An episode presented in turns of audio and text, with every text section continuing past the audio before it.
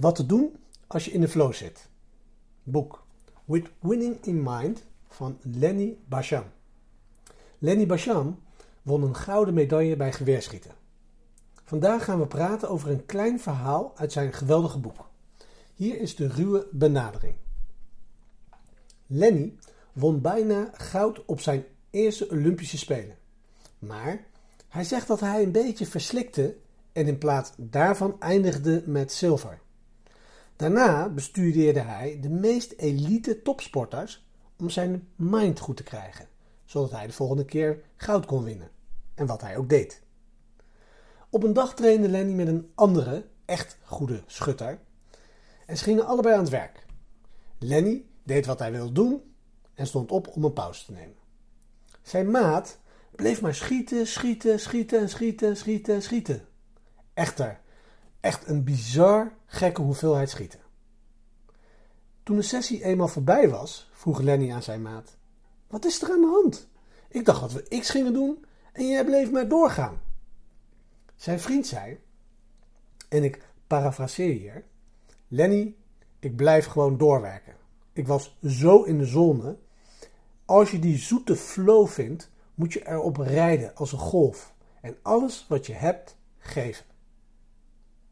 Waarom deel ik dit verhaal? Nou, omdat het belangrijk is om te weten dat wanneer we deze staat van zijn ervaren, we dat niet moeten afbreken omdat we ons vast willen houden aan onze schema. Het proces is belangrijk, maar nog belangrijker is de staat waarin je komt als het goed gaat. Dat moment van pure creativiteit en productiviteit is kostbaar. Zo kostbaar dat we het ervan moeten nemen als we het mogen beleven. Let wel goed op dat je na zo'n diepe flow-sessie ook weer goed moet herstellen. En dus, de microles van vandaag is: creëer de ruimte om diep te gaan en concentreer je doel bewust. Begin, klaar, herhaal, herstel en begin opnieuw. PS.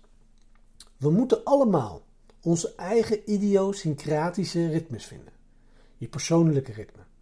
Maar één ding dat mijn coach altijd zegt, is dat je vrijwel nooit hard moet werken na vijf uur. Iets wat mij overigens nog steeds niet altijd lukt. Hij heeft te vaak geleerd dat zijn slaap zijn eerste zelfzorgpraktijk is. En dat er niets is dat hij zo laat op de dag doet dat het verstoren van zijn vroege ochtend diep werkroutine rechtvaardigt. En daar zit zijn kracht. Maar vandaar dat hij een speciaal afsluitproces heeft. Maar dat is een verhaal voor een andere keer.